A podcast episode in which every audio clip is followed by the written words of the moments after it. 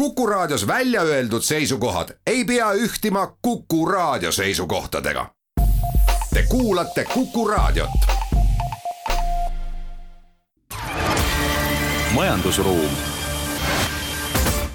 tere, head Kuku raadio kuulajad, te kuulate saadet Majandusruum, mida seekord teevad Postimehe ajakirjanikud Lennart Ruuda ja Liina Laks. millest siis täna räägime, katsume sisse tuua veidi helgemat nooti siia majanduskriisi, et räägime ettevõtjatest, kes on otsustanud hoopis inimesi juurde palgata.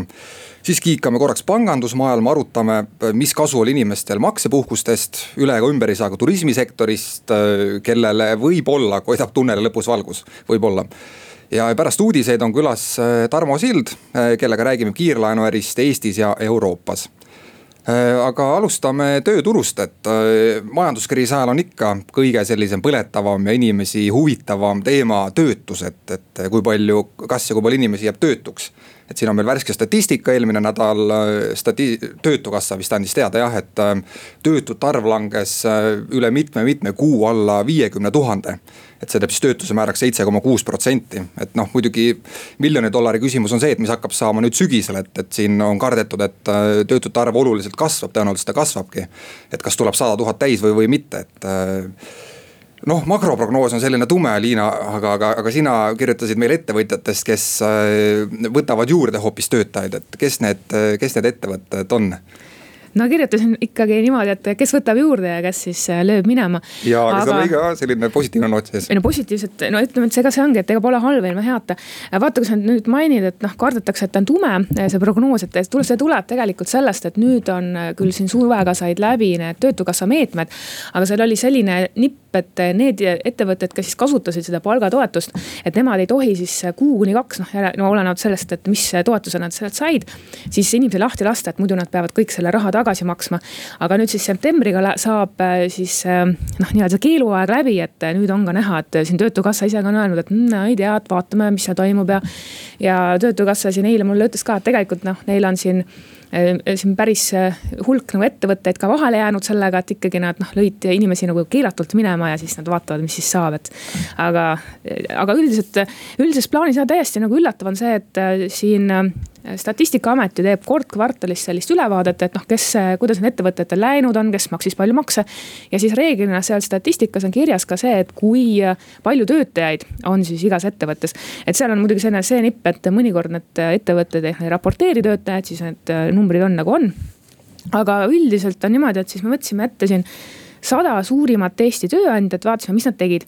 ja kui nüüd siin saja peale panna, siis tuleb kohe mööndusega öelda, et Eesti äh, riigi siis kaks kõige suuremat tööandjat, äh, kahjuks teise kvartali numbreid äh, siin statistikaametist kätte ei saanud, need oli sise- ja kaitseministeerium. aga sealt ülejäänud noh, enam-vähem okeilt raporteerisid. ja sealt on nagu näha, et tegelikult siin esimese poole aastaga kadus niimoodi pluss-miinus tuhatkond töökohta saja suurima peale, et noh, see on ikkagi päris äh, nagu korralikult. aga samas seal oli ka nagu mitmeid valdkondi, noh, kes siis isegi võitsid, et täiesti nagu ootuspäraselt said töökohti juurde, valdavalt igasugused haiglad, noh koroonakriisiks, mis sa ikka teed, et sul on ikkagi personali vaja seal pangandus, seal võeti seal juurde ja siis äh, oli ka täiesti nagu tootmisettevõtted, näiteks Viljandis äh, üks uksetootja, nemad ikka siin tõmbasid kohe seitsekümmend uut inimest ja neil, neil on ikka sadu-sadu töötajaid.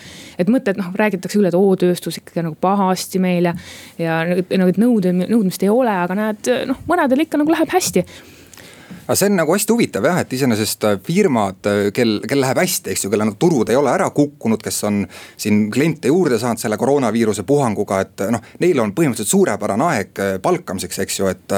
et noh, inimesi, kelle hulgast valida on rohkem, noh töötute arv on lihtsalt suurenenud.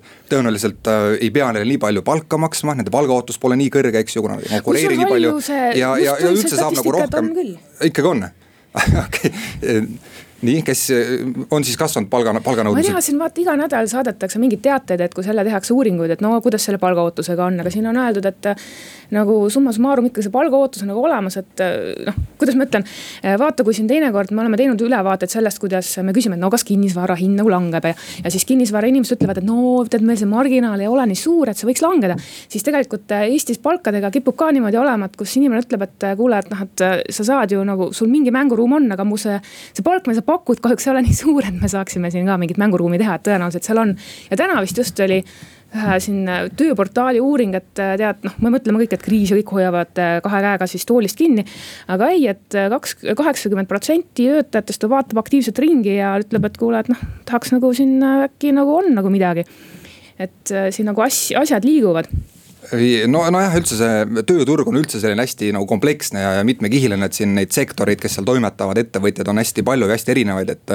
noh, ühtedel ongi põhimõtteliselt äh, pole tööd anda, teistel on kogu aeg nagu töökäsi juurde vaja, eks ju, kui me räägime siin IT-firmadest, tehnoloogiafirmadest. noh, kuigi seal on ka tegelikult pilt hästi erinev, kasvõi idu, idufirmade sees, et noh, Veriff siin teatas kevadel, et nad koondavad üle kuuekümne inimese samal ajal eile Starship Technologies, pakirobotite tootja, eks ju, mida on siin näha Mustamäel, Õismäel ringi liikumas, et nemad. okei okay,, nemad ka tegelikult koondasid, aga nüüd nad võtavad tagasi, kuna nagu näevad, et need. Nende peamine turg, USA ülikooli linnakud on hakanud, hakanud justkui nagu taastuma. aga no mulle meel-, meenus, et üks, üks lihatööstur mulle siin ütles hiljuti, et. et inimestel on töökoht nagu armsamaks muutunud, et, et varem olid sellised. et tagasi on tulnud nii mõnigi selline rännumees ja õnneotsija, kes, kes varem saatis pikalt Äh, ülemuse, eks ju, et tal on kohe mingisugune teine töökoht ootamas, kus ta saab tõenäoliselt paremad tingimused, rohkem palka. aga no nüüd nagunii väga ikka nagu ei lähe sinna tead, nagu kuidagi on, on see selline lojaalsus või, või püsimine ühe tööandja juures on, on, on, on parem et noh, seda on kindlasti, sest puhtalt numbrite pealt, et kui sul on nii palju neid töökohti ära kadunud, et vist äh, millal siin meil tuli just mingi Eurostati uuring, et ikka Eestis on nende töökohtadega üsna niru. sest Euroopa keskmise pealt me oleme ikkagi nagu alla keskmised, need noh, on lihtsalt rohkem kadunud kui teistes riikides, ütleme siis nii. et siis äh, sa pead kinni hoidma, aga Eestis on tegelikult selline, no kuidas ma ütlen, selline nagu anomaalia ka, et väga-väga-väga palju töökohti liigub äh, siis äh, ikkagi kuskilt hõlma alt, et neid ei kirjutata välja vaid lihtsalt öeldaksegi, et jõu, et kuule, et kas sul on aega, et tule meile. ja ma isegi ei kujuta ette, kui suur selline turg võib seal olla, et noh, need ei ilmu, need on sellised töökohad, mis äh, lihtsalt kunagi ei, ei ilmugi kuskile CV Online või kuhu iganes, et. sulle lihtsalt helistatakse, tehakse pakkumine ja noh, niimoodi läheb mm. -hmm no jälgima peab ka seda või, või huvitav on see, et mida hakkab nüüd avalik sektor tegema, et noh, nad on kramplikult öelnud, eks ju, et keegi kärpima ei hakka, töökohti koomale tõmbama ei hakka. et kui palju nad nüüd konkureerivad või pakuvad sellist äh, noh, konkurentsi äh, era, eraettevõtjatele, kes siis äh, tahavad neid samu inimesi saada, et, et kas nad löövad need palganõudmised ja muud tingimused kõik üles, et teistel on kuidagi keeruline saada, et noh, kui nemad kokku ennast tõmmata ei otsusta. ja noh, jätkavad sellise suhteliselt äh, lõdva, lõdva käega nagu palkamist ja. ma ei tea, kas see on lõdva käega. mis, mis seal oli, sul, sa vaatasid neid riigiettevõtteid äh, Vaatasin. ja riigiasutusi ka, et kuidas, kuidas seal olukord on? Äh, olukord on väga-väga erinev, et noh, ütleme niimoodi, et ega mingit suurkoondamist numbrite pealt ministeeriumides ja allasutustes ei noh, mingit tohutut ei paista. et siin üks erand on siis Innove, et aga seal on nagu natuke teised põhjused, et seal see viidi siis mingi teise asutuse alla ja seal on mingisugused muud asjad aga üldiselt väga noh, päris mitmed võtsid lausa juurde, et ja kui nagu võeti vähemaks, siis pigem nagu noh, väga väikeses ja mitteolulises mahus. et pigem oli riigiasutuste puhul noh, ei ole nagu seda, et okei okay,, et kärbime siit ja sealt. aga pigem on seda näha just omavalitsuste puhul, et seal ikkagi suhteliselt jäi nagu silma et siin noh, kui, et noh, ikkagi nagu valdavalt on väga paljud siin ikkagi mõnest inimesest loobunud, et. et ei tea, muidugi ütleme sellised ajad, tuleb ka ütelda, et on suurepärased ajad, et vabaneda tülikatest inimestest kontsernis, et siis on. et mõtled, et kuidas ma ikka lahti saan ja siis koroona nagu jumala kingitus, et saaks igasugused möllisejad kuskilt välja visata aga. no ära ei saa unustada Tallinkit, eks ju, millest me ei ole siin täna rääkinud, aga kes noh, tõenäoliselt tuleb kohe letti nagu Eesti ajaloo ühe suurima koondamisega. teevad seda ilmselt niimoodi jupp, jupp, jupi haaval, aga noh, ikkagi räägid tuhandest inimesest, tuhande viiesajast inimesest, et no mina küll ei mäleta, et keegi oleks nii palju kunagi Eestis koondanud. noh, nad ei ole veel seda, eks ju, nende avaldustega noh, täielikult töötukassasse läinud, et me tahame need inimesed koondada, aga nad on selle välja hõiganud. mure on õhus, eks ju, nüüd on neil parem ka selline jõuvalg võib-olla riigilt noh, endale nagu toetusi siis nagu välja lunida, et no, et kuulge, kui te nüüd meile appi ei tule, et siis on. kohe on nagu mingi tuhat viissada inimest korraga tänaval, eks ju, tööta ja ei tea, mis saama hakkab, et äh, kusjuures ega ei saagi mäletada seda, sest et neid ettevõtteid ja asutusi Eestis, kus on üle tuhande töötaja. Neid... ma mäletan, oli kunagi, kui ta kuussada inimest ja. töötas, see oli ka selline ühiskondlik suur debati koht, et mis, mis siis nüüd, et mida, mis nendest inimestest saab aga, aga nad said vist järjepanu kõik minu arust, BNS äh, toona uuris, et äh, kas need inimesed leidsid töö ja minu arust seal niimoodi tuli kahesaja kaupa, nad said äh, uuesti töö tagasi. aga teeme nüüd väikese pausi ja jätkame pärast seda. majandusruum tere tulemast tagasi, ettevõtlus majandussaade Majandusruum jätkab stuudios endiselt ajakirjanikud Liina Laks ja Lennart Ruuda, räägime nüüd veidi maksepuhkustest et äh, siin mäletame, et kui kevadel kriis peale rullus nii-öelda, et siis suur, suuri kasumeid teenivad pangad teatasid, et äh, nemad tahavad ka nüüd ülejäänud ühiskonnaga solidaarsed olla. ja neile appi tõtata, et siis äh, lepiti omavahel kokku, et kliendid saavad pooleks aastaks või, või aastaks küsida maksepuhkusi. et siis selle aja jooksul nad ei pea laenu põhiosa tagasi maksma, küll aga intresse, et Liina, oli see, oli see piisav ohverdus või vastutulek pankade, pankade poolt? Kui sa no, mõtled nende maksepuhkuste kui selliste peale, et nad hästi innukalt sellest nagu räägivad alati ja teatavad, et, et meie tegime ja, ja aitasime inimesi. No ütleme niimoodi, et sul on kindlasti on ta teatud olukordades abiks, sest et mõtle ise, et kui sa sul on ikkagi näiteks kodulaen peal ja siis teatatakse, et okei okay,, koondame. ja see ei ole niisama olukord, et koondame, vaid noh, ütledki, et sul on ikkagi megakriis käimas. sa ei tea, mis sinust saab, sa ei tea, mis majandusest saab. sa ei tea, kas üldse ellu jääd ja siis noh, mõtled, et nii, et kus ma siis lähen perega kuuse alla, et siis on nagu hea, et kui sul see maksepuhkuse graafik on nagu teha. aga see on noh, ja seda tehti valdavalt ise ja omal noh algatusel. et see ei ole nüüd mingisugune suur armuabi, sest intressi sa pead ikkagi maksma, et noh, pärast sul see protsent vaata, mis tuleb, on ikkagi noh, pead kõike no, raha tagasi ja, maksma. pärast, eks ju, laenu põhiosa siis suureneb või, või noh, siis ajaperiood pikeneb, et ega ka see kuskil ära ega osa aastake või pool, mis seal siis nii-öelda vahel kergemalt sinu jaoks kulgeb, et noh, noh, pank tahab ikka selle raha lõpuks kätte saada. pank tahab raha kätte saada, seal ainukene lootus ongi, et kui sul on mingi pikem plaan, siis, siis võid ütelda, et okei okay,, et tead, et see inflatsioon on võib-olla nii kõva, et ta sööb selle protsendi ära ja kõik need muud trikid, mis seal on. aga see on huvitav, et no vaata, seal võeti üsna isukalt neid maksepuhkusi kolmkümmend tuhat jah, oli ja. juuni, mai lõpu seisuga jah, mis oligi siis see kõige selline kriitilisem aeg, aprill-mai, kui need võeti, et. noh, nüüd on, nüüd on vaikselt hakanud ära kukkuma jah, et taotlusi tuleb vähem no praktiliselt ega seal nii palju, kui ma olen ka pankadega suhelnud, ongi öeldud, et on neid päris palju tagasi võetud. et huvi maksepuhkuste vastu ikkagi on väga-väga väike, et noh, praktiliselt nagu ei olegi nii et tundub, et selles mõttes on olukord nagu stabiliseerinud, et inimesed on noh, no reeglina, kui sa ikkagi ei leia tööd, noh siis sa ikkagi kütad seda maksepuhkust edasi. aga ma tean ka selliseid olukordi, kus inimene on võtnud äh, maksepuhkuse näiteks selleks, et noh, ta ütlebki, et okei okay,, ma tahaksin äh, lihtsalt näiteks võtta mingit uut laenu või finantseerida mingit muud asja, et see ei pruugi ainult olla see, et ma kaotan töö ja vot ei tea, mis teha, vaid seal on ka igasuguseid muid, äh, ütleme niimoodi, et juba sellise edasijõudnutele selliseid finantspõhjuseid, miks sa tahad parasjagu omale seda maksepuhkust peale tõmmata okei okay,, ja siis pangad ei taha anda võib-olla neile osadele, noh meenutame seda, et need, kes said tegelikult töötukassa palgatoetust ja neid inimesi oli ka Eestis hästi-hästi palju. et äh, ka see oli mingis mõttes selline punane lipuke pankade jaoks, et äh, nad ei tahtnud nii kergekäeliselt sellistele inimestele, kes töötukassast raha saavad. no kuna nende töökoht võib nagu õhu, ohus olla potentsiaalselt, ei tahtnud seda maksepuhkust nii kergekäeliselt anda, et ma ise mäletan veel kirjutasin sellest, et äh, üks pank ütles nagu otseselt välja, et see on nagu ohu, riskitegur meie jaoks ja tõenäoliselt me ei anna sellistele maksepuhkust kes, kes töötukassa seda palgaraha saavad. no vot seda ma ei mäleta, ma mäletan. kui see oli valdav ju valdav, isegi väga ja. edukalt, hästi saavad ettevõtted tegelikult seda küsisid, et noh, see oli üks selline justkui finantsskeem, et oma kulusid kokku hoida ja siis esitad sinna taotluse, sa nagu raha saad, et need ei olnud kohe-kohe nagu pankrotti või kaduma, kadumisele minevad firmad, kes seda raha küsisid sealt. kuigi see otstarve selline oli vaat seda mina ütlen, et äh, siin minu mälu korra veab mind alt. et ma mäletan pigem seda, et äh, oli raske nagu uut laenu peale saada, et siis vaadati küll, et et no vaata, kui sa nüüd enne eelmises saate pooles mainisid ka, et kuidas ikkagi see avalik sektor konkureerib siis erasektoriga. et avaliku sektori üks väga suur võlu on inimeste jaoks ju selles, et kui sina töötad avalikus sektoris, siis äh, noh pank sinu riski hindab hoopis teistsuguselt kui erasektoris. sest noh, riigi köises lohiseb riigieelarves, noh kui raha saab otsa, sa tõmbad uue peale. aga kui sa oled erafirmas ja eriti väikses erafirmas tööl, siis noh, pankade jaoks sa oled ikkagi no selline riskiklient, et siis nagu pigem noh, on raske vaata saada. mingisugust näiteks kodulaenu osas just eriti, et on alati teemad, et miks ei saa ja kellele ei anta ja kellele rohkem antakse. ja ega, ega inimesed on öelnud ka, et ega pankadest praegu laenu saada on ikkagi suhteliselt keeruline, et noh, nõutakse igasuguseid põnevaid asju et äh, seda nagu peale võtta.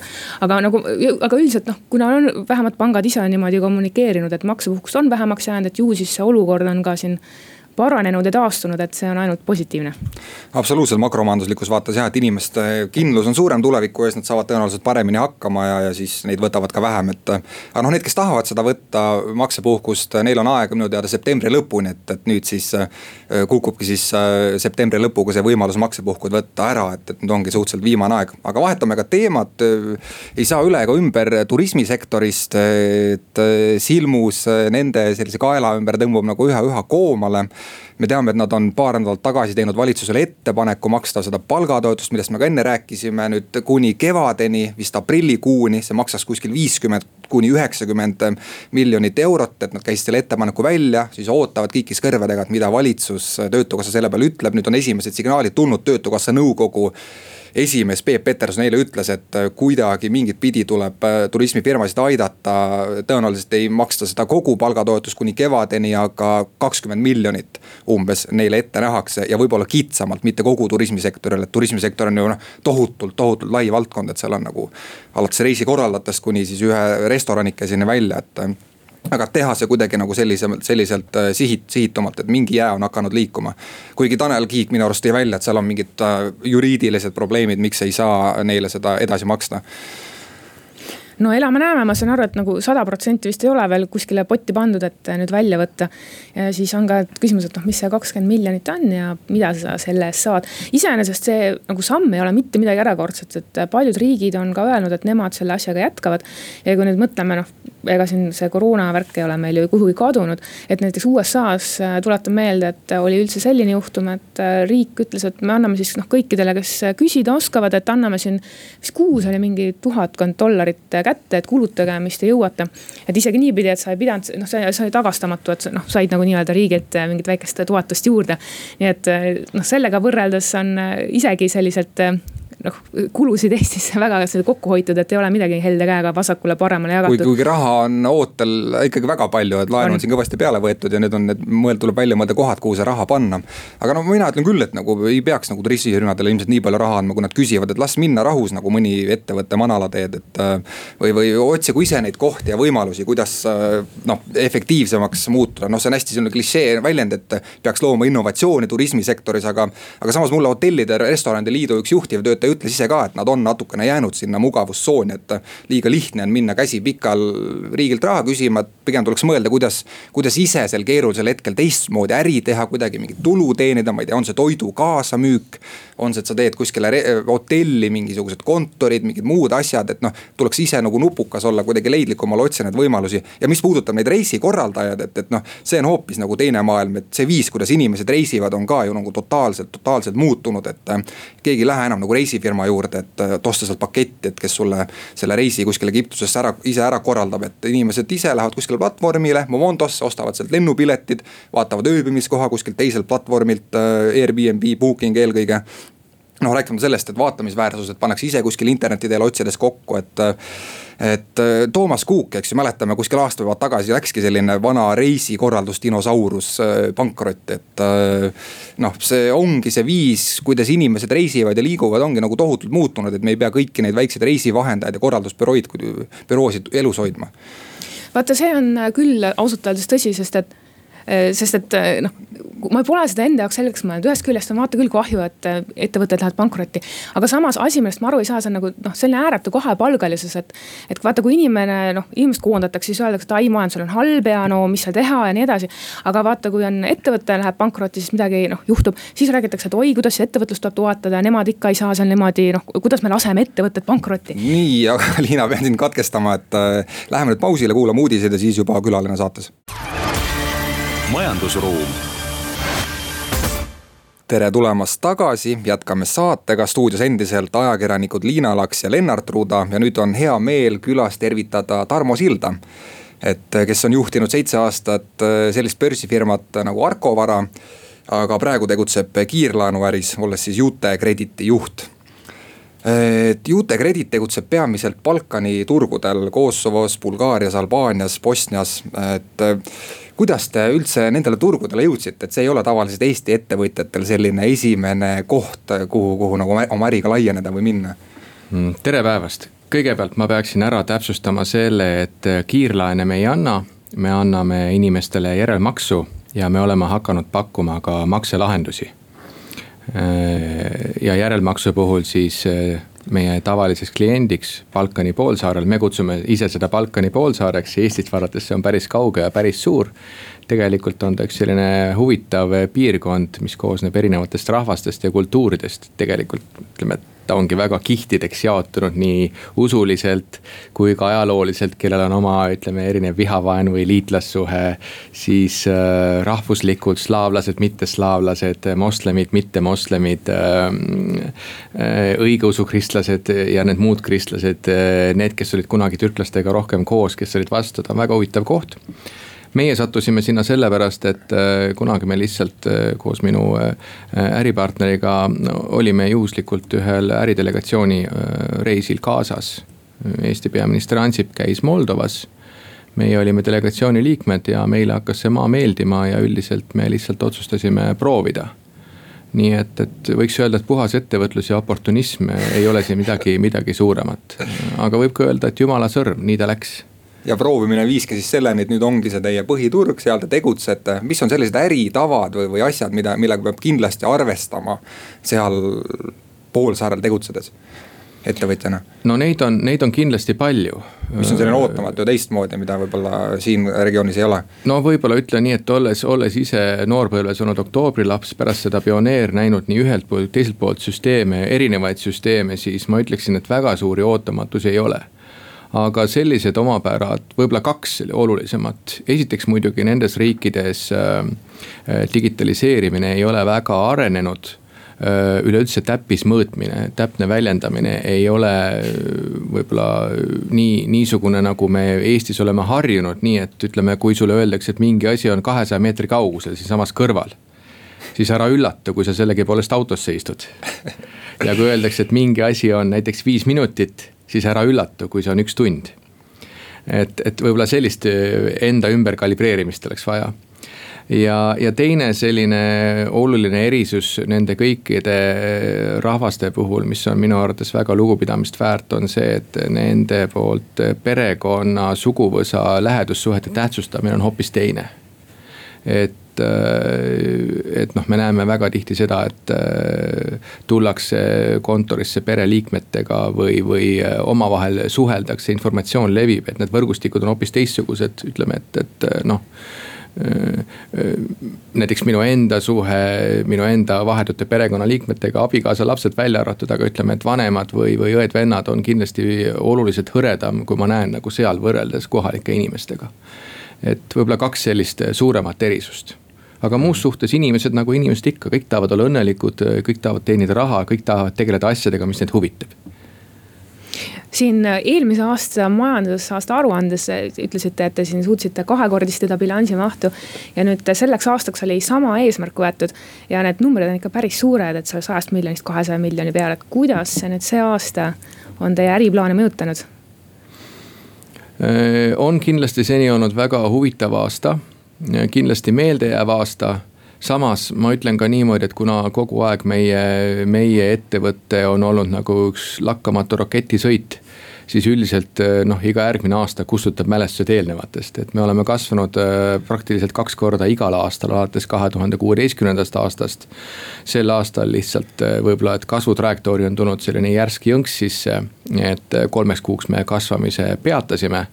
nüüd on kasv peaaegu uuesti taastunud, noh kui numbrite keeles öelda, siis ma arvan, et sel aastal, kui me eelmise aasta lõpetasime koondbilansiga sada miljonit eurot, siis sel aastal ma usun, et see on kusagil sada kolmkümmend miljonit eurot ehk kasv on kolmkümmend protsenti, mitte kahekordne. Aga kas see paus tekkis äh, koroonaviiruse puhangust või siis äh, noh, me teame, et teil tekkis ka aasta alguses seal selline noh, probleem, et äh, Kosovo keskpank peatas teie tegevusloa vist jah. Kosovo keskpank meile täiesti ootamatult enne jõule peatas. mis seal juhtus teil? ja kuidas see on nüüd lahenenud? Mm, ja kes teile kaikaid kodaratesse loopis seal ikkagi? see olukord äh, kindlasti laheneb äh, ja kui mitte mujal, siis äh, rahvusvahelises vahekohtus, mis praegu on toimumas. vahekohus on moodustatud, protsessil on oma ajakava tavaliselt sellised investeeringute kaitsevaidlused vältavad äh, mõne aastakese, nii et äh, ka mina julgen arvata, et, et me võiksime saada kohtuotsuse aastal kaks tuhat kakskümmend üks kõige varem nii et see on selline standardne asjade käik, et kindlasti, kindlasti me suure rahvusvahelise investori ja suure maksumaksjana Kosovo riigis oma õigusi kaitseme. mis seal juhtus? Noh, teate, kui ma teaksin pooltki seda, mis juhtuks, siis oleks väga hea et, et kõiki taustu ja, ja lihtsalt ütleme hakata spekuleerima, aga üldiselt võib öelda niimoodi, et sellistes riikides on ühelt poolt võib-olla tegemist sellise, sellise rikutusega, kus, äh, kui mingi ettevõte siseneb turule ja osutub üle ootuste edukaks. siis see võib lihtsalt äh, olla kellelegi teisele takistuseks äh, ja, ja võib-olla ka lihtsalt selline puhas administratiivne teadmatus, kus üks osakond või üksus ei tea, mida teine teeb mm, noh, seda võib-olla täna ei tahakski väga palju rohkem spekuleerida, et mida ma kindlalt väidan, et meie ühtegi seadust rikkunud ei ole meie laenud, äh, järelmaksud, mida me igal pool anname, on küllalt ühetaoliste tingimustega. ja ma olen veendunud, et me selle asja võidame, aga noh, milleks ikka enne õhtut hüpata, tegutseme, elame-näeme jah, see on siis selline seal äri tegemise nii-öelda nagu varjupool, et äh, ootamatult äh, võeti tegevusluba ära, pandi, pandi tegevus kinni, et. tõite siin välja ennem jah, et mis on plussid, aga no on ka selgelt noh, miinuseid see on kindlasti kõrgendatud riskiga piirkond ja see on ka põhjus, miks me ei saa anda seal laene selliste ütleme odavama otsa intressimääradega, ütleme, et kui me räägime Euroopa Liidus. tarbimislaenud, räägime telefonidest, külmkappidest, telekatest, midagi sellist, need intressimäärad on seal äh, ütleme alla kümne protsendi ja kesk, keskmiselt nad on seal kümne ja kahekümne vahel. ja kõrgeks loetakse juba kahekümnega, siis noh, sellistes riikides, kui panna valuuta ja poliitiline risk juurde, siis ütleme, et need numbrid seal kolme-neljakümnega peaksid kindlasti algama. et üleüldse jõuda kasumisse, teoreetiliseltki mm. -hmm ta on selline no, riigi masinavärk, bürokraatia aparaat võib hakata korraga sööma su, su äri tegemist seal. selliseid asju tuleb ette jah äh, miks te Eestis ei tegutse, et äh, kas siin on see järelmaksuturg, laenuturg on täis? Ja ei ole kuskilt enam nagu hõivata seda tükki turult mm,? väga, väga täpne hinnang, kindlasti mingi tükk oleks, aga, aga noh, kui te lubate otse öelda, siis milleks tulla võitlema ühe koma nelja miljoni äh, rahvastikuga äh, turu pärast.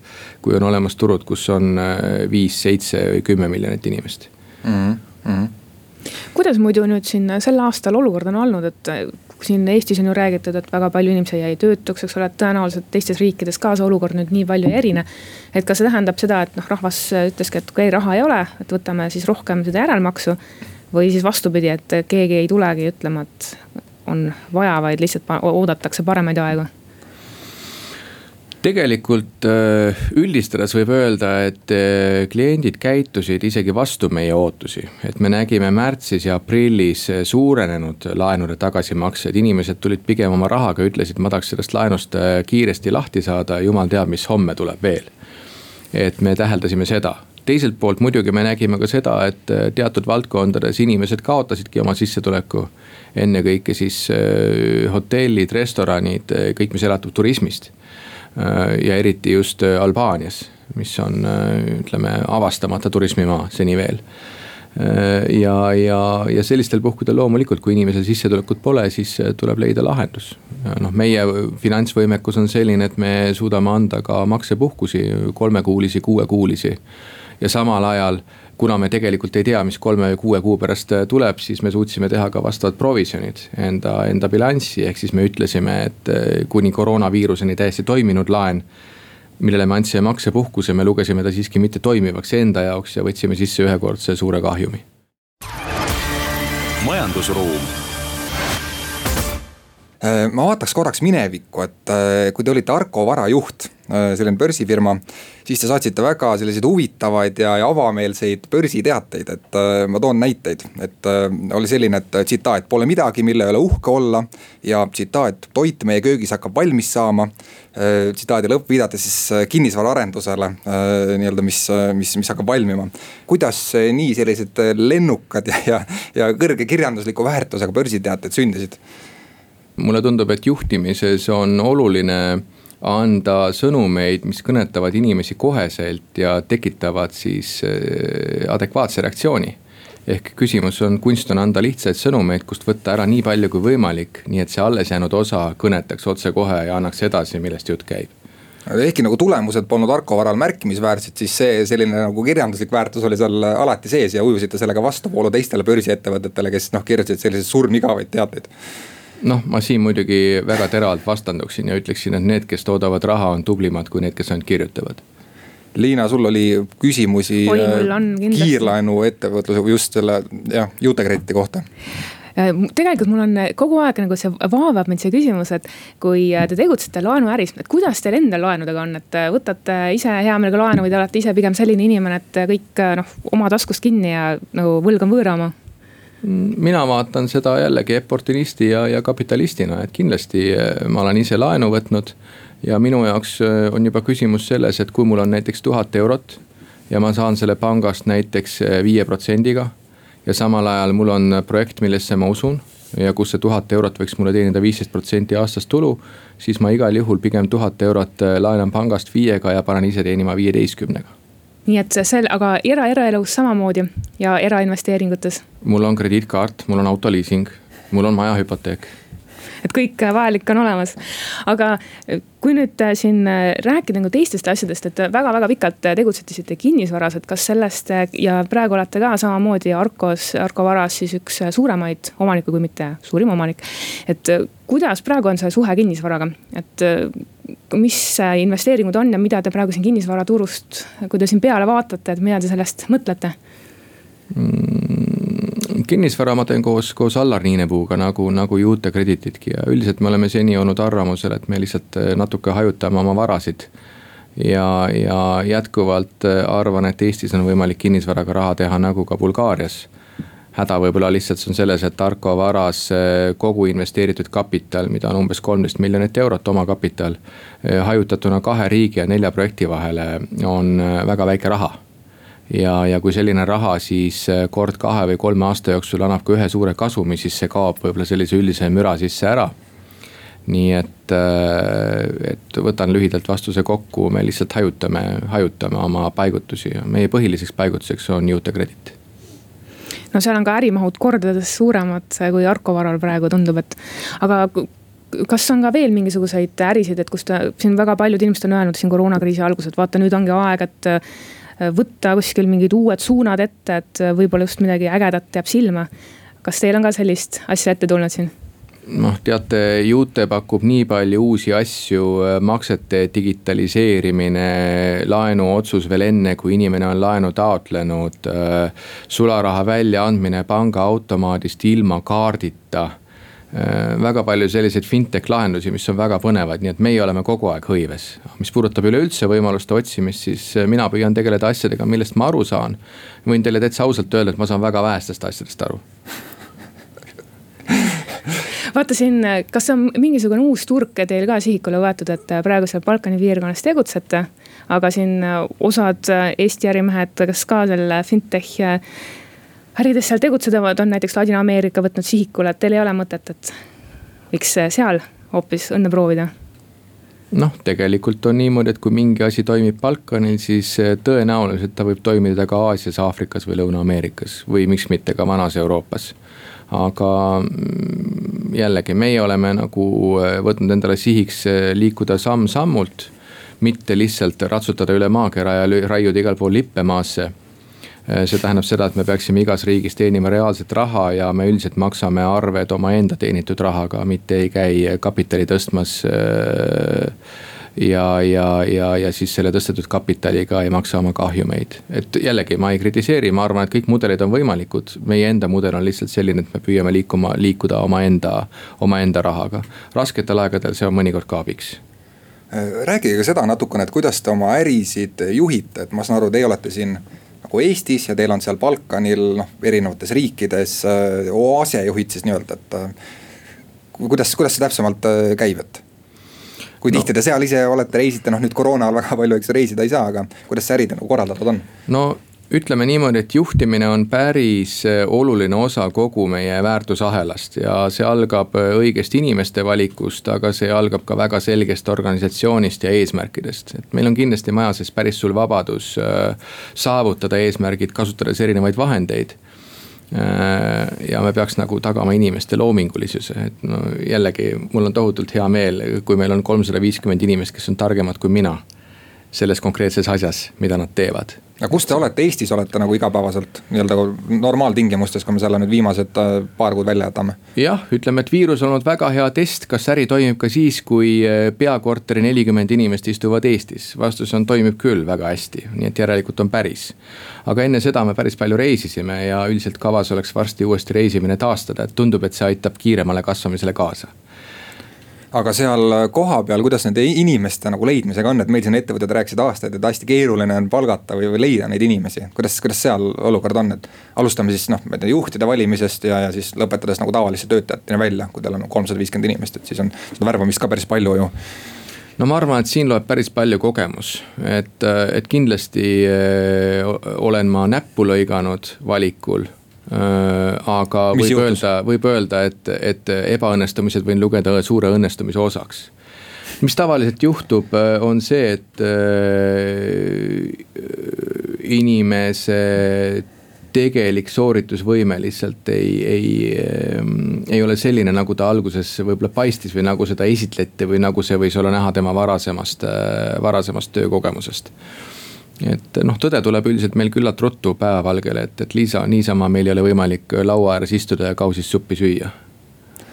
aga noh, sealt see inimeste leidmine, et on seal vaba sellist tööjõudu Balkani poolsaarel üldiselt kui nagu Eestis. Nagu üle, üle üldiselt, kuidagi ostma sealt kedagi või kuidas see käib täpselt? üldiselt, üldiselt nagu Eestis, et ei saa öelda, et seal oleks tohutu hulk töötuid ja, ja kümme inimest või sada inimest on järjekorras ukse taga aga kui inimestele anda huvitav väljakutse ja võimalus sellega teenida ka palju raha, siis nad tulevad. ainult rahaga motiveerimisse ma ei usu, see on küllalt lühinägelik ja raha on tegelikult alati liiga vähe. raha on alati liiga vähe, kui ainult sellest juhinduda, et väljakutse ise peab olema huvitav ja, ja loomulikult uh, uuesti see kõik tuleb panna mingisugusesse süsteemi, et inimeste vahel tekiks sünergia. see on väga huvitav töö, juhtimine on tegelikult väga-väga huvitav töö ma küsiks ka seda natuke laiema küsimuse majanduse kohta, et missuguse, kuidas te hindate nüüd Eesti valitsuse tegevust selle koroona jama ohjamisel, et äh, on hästi hakkama saadud või, või, või pigem mitte? No nüüd te küsite nagu minu käest, meie ei ole Ette küll, meie, meie, meie, meie ei ole küll äh, Eesti riigilt abi küsinud. et, et selles mõttes ma ei tunne, et mu sõnavabadus oleks kuidagi piiratud. Äh, rahalist abi, aga äh, noh, näiteks. koossoost leida poliitikud aitavad. on meil täpselt nii, meil on, meil on olnud väga palju abi, meil on väga palju abi olnud välisministeeriumist ja teistest ametnikest näiteks Kosovo riigiga suhtlemisel või positsioonide selgitamisel te küsite minu üldine hinnang, kuidas valitsus on hakkama saanud. just, just mõtleme kasvõi mitte... selle, rääkisime, oleme laenamisest täna väga palju rääkinud, et noh, siin on ka sellest äh, laenukoormuse hüppelisest suurendamisest palju räägitud ja seda kritiseeritud, et miks nii palju laenu võetakse. võib-olla. ma arvan, et mitte oluliselt paremini ja mitte oluliselt halvemini kui, kui näiteks äh, Soome valitsus või Saksa valitsus. ehk siis ma arvan, et, et kindlasti on äh, kindlasti on valitsusel suur võimalus teha vigu, laenates liiga palju ja loopides seda raha mittetootlikesse, ühiskondlikus mõttes mittetootlikesse projektidesse äh, aga samal ajal iseenesest ma kiidan heaks selle, kui äh, võetakse raskel ajal laenu. põhimõtteliselt, et sellist asja ei välistata, vaid võetakse laenu, ma arvan, et see on õige, eriti nüüdsel rahatrüki ajastul nii, tõmbame nüüd saatele joone alla, stuudios olid ajakirjanikud Lennart Ruda ja Liina Laks, külas käis ettevõtja Tarmo Sild. majandusruum taas eetris nädala pärast. majandusruum